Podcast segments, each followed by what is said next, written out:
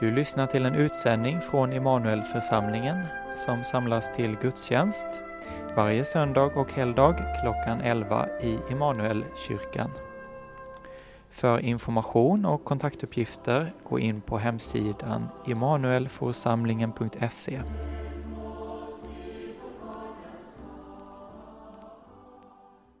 Vi lyssnar till en av den här dagens texter, den som jag alldeles strax ska predika över.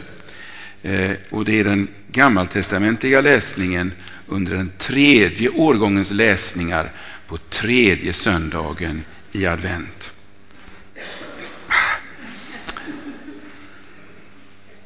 Jag vet att det är efter 13 dagar. Jag ber om tredje söndagen efter trettonde dagen.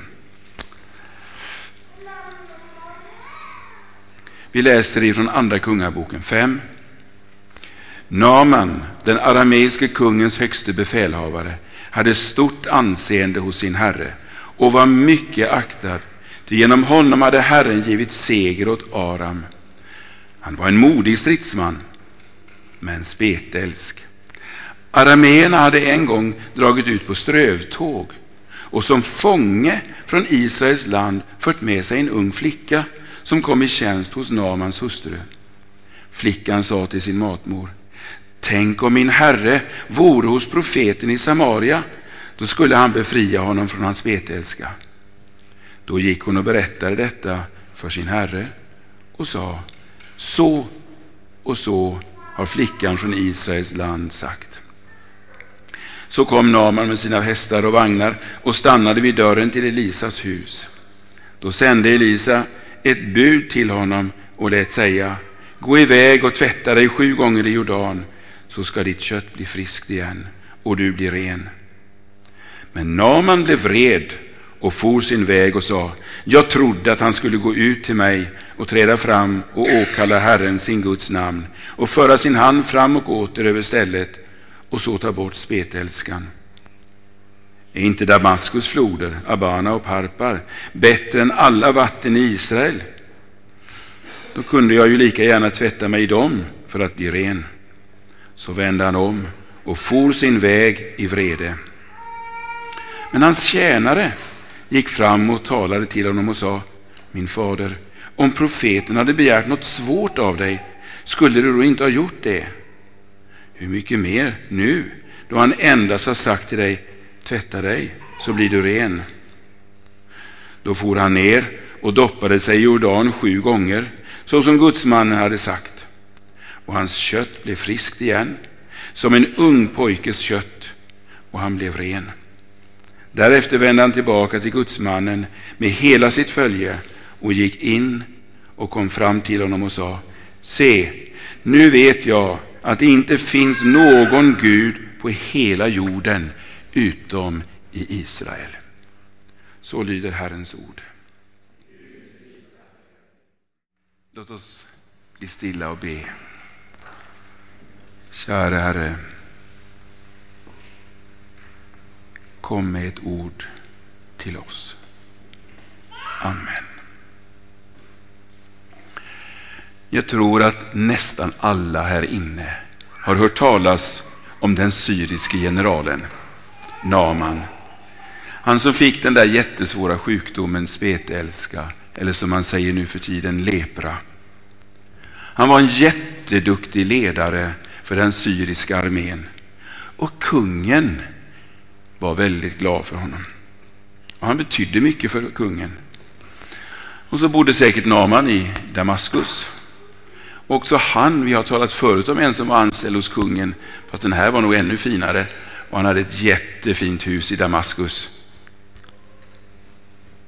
Och där hade han sin familj med sin fru.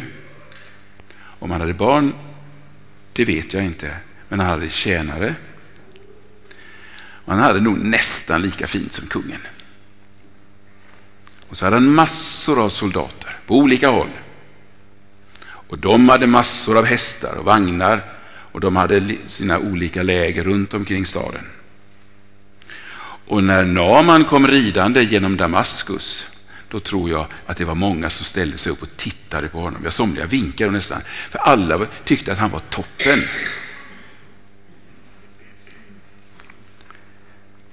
Men så kom den där hemska dagen då Naman upptäckte det finns vita fläckar på min kropp.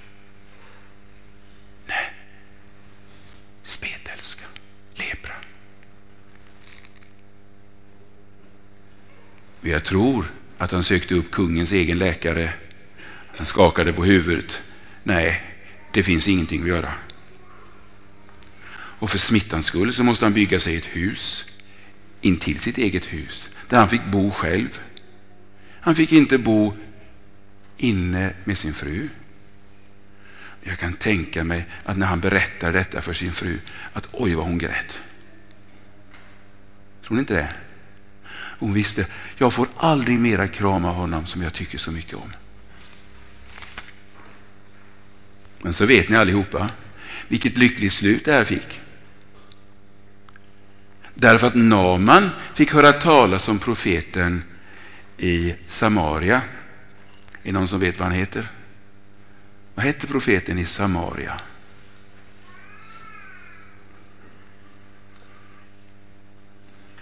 Jag ser att Viktor han, han, rör på läpparna och säger, säger nej. Han heter Elisa. Eli, Elia var hans företrädare. Elisa var hans, hans eh, efterträdare. Elisa var profeten som bodde vid det, här, vid det här laget i Samaria. När Naman hade fått höra talas om Elisa så berättade han det för sin kung. Och kungen sa till honom, toppen, jag skriver ett brev till kungen i Samaria och att han eh, ska, ska hjälpa dig.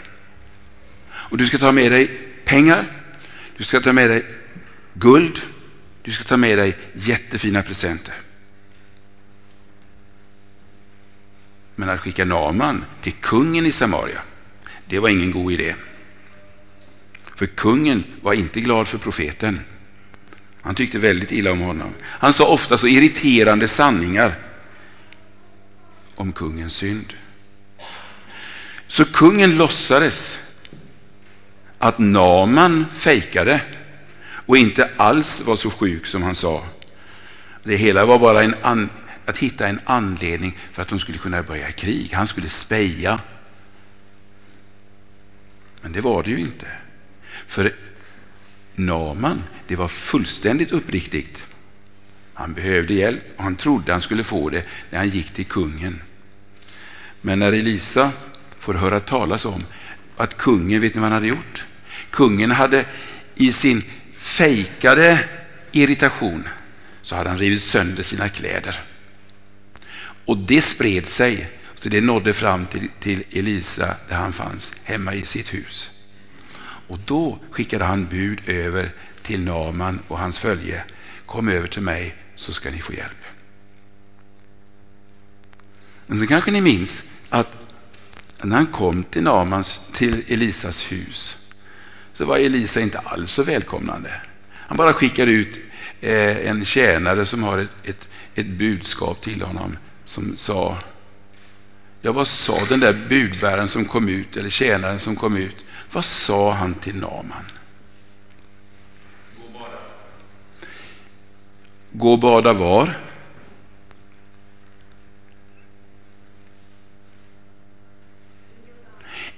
Just det, i Jordanfloden. Gå och bada, gå och doppa dig, men inte bara en gång, utan sju gånger ska du doppa dig i Jordanfloden. Ja, och Naman blev förstås jätteglad. Toppen. Nej, eller hur var det? Vad var hans reaktion? Nej, det här kan ju inte vara någonting. Nej, vi har mycket finare floder hemma i Damaskus. Abana som rinner genom Damaskus och Parpa som rinner en bit söder om, om Damaskus. Det är mycket flottare floder än den där lilla, lilla bäcken. Så börjar han förbereda sig för sin hemresa. Ilsken. Liksom, ja, han var verkligen, liksom, kände sig så misslynt och, och ledsen och besviken. Men så hade han en av sina närmaste vänner och tjänare med sig. Och Han var tydligen en klok man. Då säger han, du, Om nu han hade, profeten hade sagt till dig någonting riktigt svårt, vad skulle du gjort då? Ja, då hade du försökt göra det, eller hur? Ja. Men om han nu bara sagt någonting lätt, varför skulle du inte göra det? Och Naman lyssnade och så gav han sig iväg ned med hela sitt följe. Kan ni se dem? Det är, det är flera mil från Samaria ner till Jordan. Så kör de där med det här följet. Och så kommer de ner någonstans vid Jordan där. Var någonstans vet vi inte. Och Naman stiger av sin vagn. Kanske tar av sig lite kläder. Och så går han ner i vattnet. Där många människor är döpta. Och så doppar han sig. En gång, två gånger, fem gånger och sju gånger. Och så stiger han upp. Wow! Det är borta. Titta, säger han till sin tjänare. Titta, titta. Jag är frisk. Oh. Du, vi åker tillbaka till, till, till Samaria, till profeten. Och så åker de upp. Och så kommer de upp eh, till Samaria. Eh, vi ska inte gå in på hela den händelsen, men när, när, prof, när Naman har suttit där i vagnen och tänkt på det här, de där milen upp till Samaria, då liksom, har det landat hos honom att det här kan ingen människa åstadkomma. Han som talar genom profeten Elia, det måste vara Gud.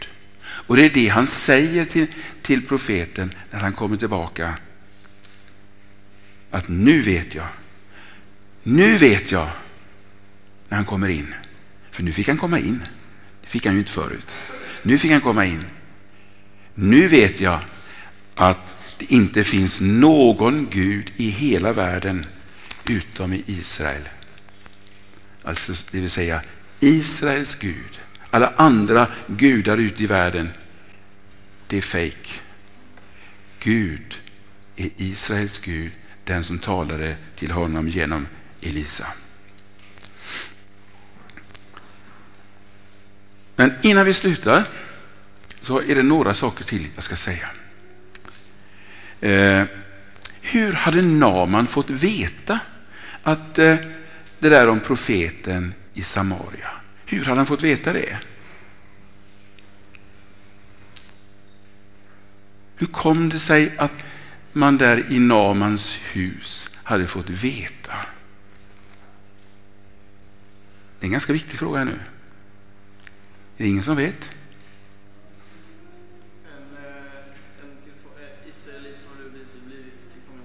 Yes. En tillfångatagen flicka. Tänker mig att hon är 15, 16, 17 år någonting. Er ålder. Eh, den syriska armén hade gjort en hel del rätt så fula grejer. Eh, de gav sig ibland in i Israel. De härjade, de dödade, de tog massa saker, de tog fångar. Och vid en sån räd hade de tagit med sig en ung flicka från trakten av Samaria. Och när soldaterna drog iväg med sitt byte så tänker jag att där stod mamman och grät. Inte i första hand för alla sakerna som de hade tagit ifrån deras hus, utan flickan. Hon blev fånge i den syriska armén. Nå, så kommer den här flickan till Damaskus. Och så har, ser, ser Naman liksom vad de har fått med sig. Och så ser han också den där flickan. Henne ska jag ta hand om. Henne ska jag ge till min hustru. Och så helt plötsligt kommer den där flickan eh, och blir eh, en hjälp i huset. En tonårsflicka i generalens hus. Man tänker att det var många kvällar som hon grät sig till sömns. Tror ni inte det? Det här var kanske, det ligger inte jättelångt, men 15 mil från Samaria till Damaskus. Där var hon och ingen chans att ta sig därifrån. Fly kunde hon inte. Det var alldeles för farligt. Kan hända att det var så här att, att flickan la märke till att, att Namans fru var ganska vänlig mot henne. Och någonstans så, så har, har hon liksom gråtit färdigt. Och så börjar hon liksom säga, Herre, varför ska jag vara här? Men det började också komma liksom en stilla, tänker jag, en stilla förtröstan hos henne. Att nej, det är inte bara katastrof. Jag är i alla fall under ett under tak och jag har kläder och jag har mat och de är snälla mot mig. Men, jag, men det är förfärligt att vara här. Men jag tänker att när hon kunde säga det hon sa till Namans fru så berodde det på att hon faktiskt trodde på Israels Gud. Hon trodde på honom. Och därför så säger jag, var inte svårigheten det som var överst. Hennes sorg över att vara där. Utan det översta var, jag tror på Gud. Jag tror på min Gud. Jag tror på Israels Gud. Han som har fört mitt folk ut ur Egyptens land. Han kan hjälpa mig.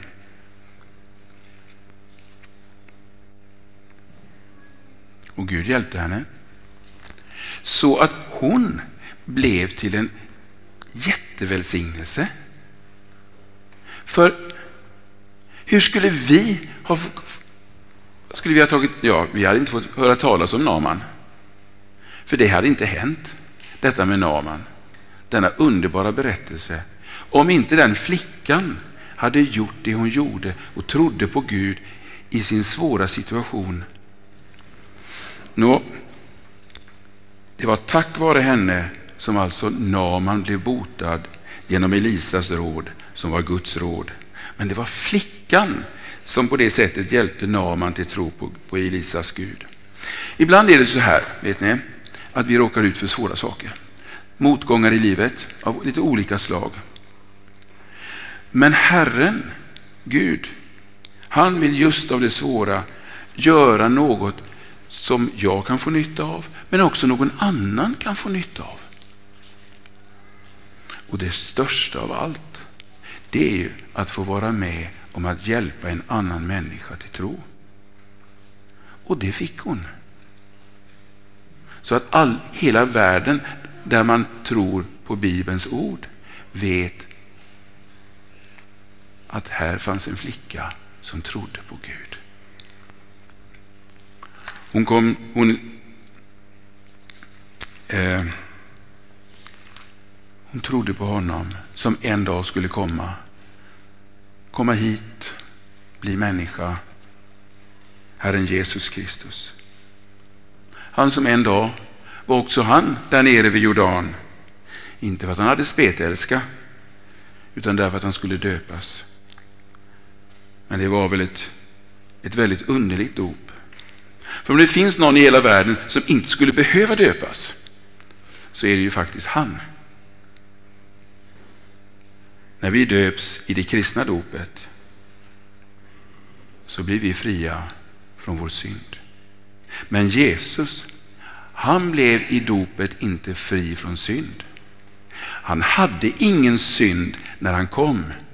Men när han gick upp ur vattnet så att säga så går han upp med synd. För då finns, det kanske på något sätt ändå, och det vet jag Jakob brukar tala ganska ofta om just den saken, hur hur stort det är att där synden läggs på Jesus. Det är liksom syndens spetälska läggs över på honom. Så att Johannes döparen dagen efter kunde säga Se Guds lam som bär bort världens synd.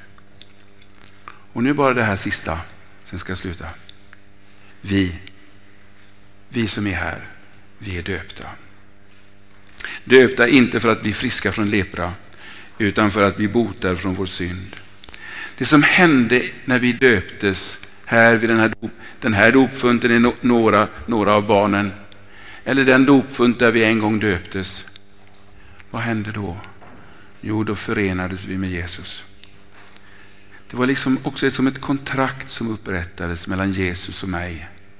Så att jag får lov att säga, jag får säga, du är min Herre. Herre Jesus, du är min. Därför att du i dopet har liksom skrivit kontrakt med mig och sagt jag är din och du är min. Och hos honom finns förlåtelsen för alla mina synder.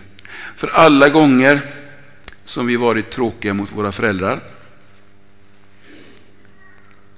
Has that ever happened? För alla gånger jag varit så tråkig mot mina barn, Maria, har det hänt för oss? Alla gånger jag sagt så fula saker till mina föräldrar, har jag gjort det? Bengt, ja. Men jag tillhör Jesus. Han som är förlåtelsens källa. Han älskar mig. Och jag får komma tillbaka till honom om och om igen. Och knäppa mina händer och tala med honom. Och han vill ge mig ny tro. Så att jag kan leva också med det, det svåra. För jag tänker att det finns flera här inne som har olika saker som är svårt. Kanske inte just så som flickan ifrån Samaria hade det när hon kom till Damaskus, men någonting annat som är svårt. Men så kan vi leva med det. Och även om, om inte Jesus tar bort det så kan han ge oss, ge oss kraft att vara i det. Amen. Kära Herre Jesus. Du har velat tala med oss om viktiga ting. Skriv i vårt hjärta att jag är din och att du är min. Amen. Nu ska vi tillsammans bekänna vår kristna tro. Vi står upp. Vi tror på Gud Fader allsmäktig, himmelens och jordens skapare. Vi tror också på Jesus Kristus, hans enfödde Son, vår Herre, vilken är avlad av den helige Ande född av jungfrun Maria, pinad under Pontius Pilatus, korsfäst, död och begraven, nederstigen till dödsriket, på tredje dagen uppstånden igen ifrån de döda, uppstigen till himmelen, sittande på allsmäktig Gud Faders högra sida, därifrån igenkommande, till att döma levande och döda. Vi tror också på den helige Ande, en helig allmännelig kyrka, det heliga samfund, syndernas förlåtelse, kroppens uppståndelse och ett evigt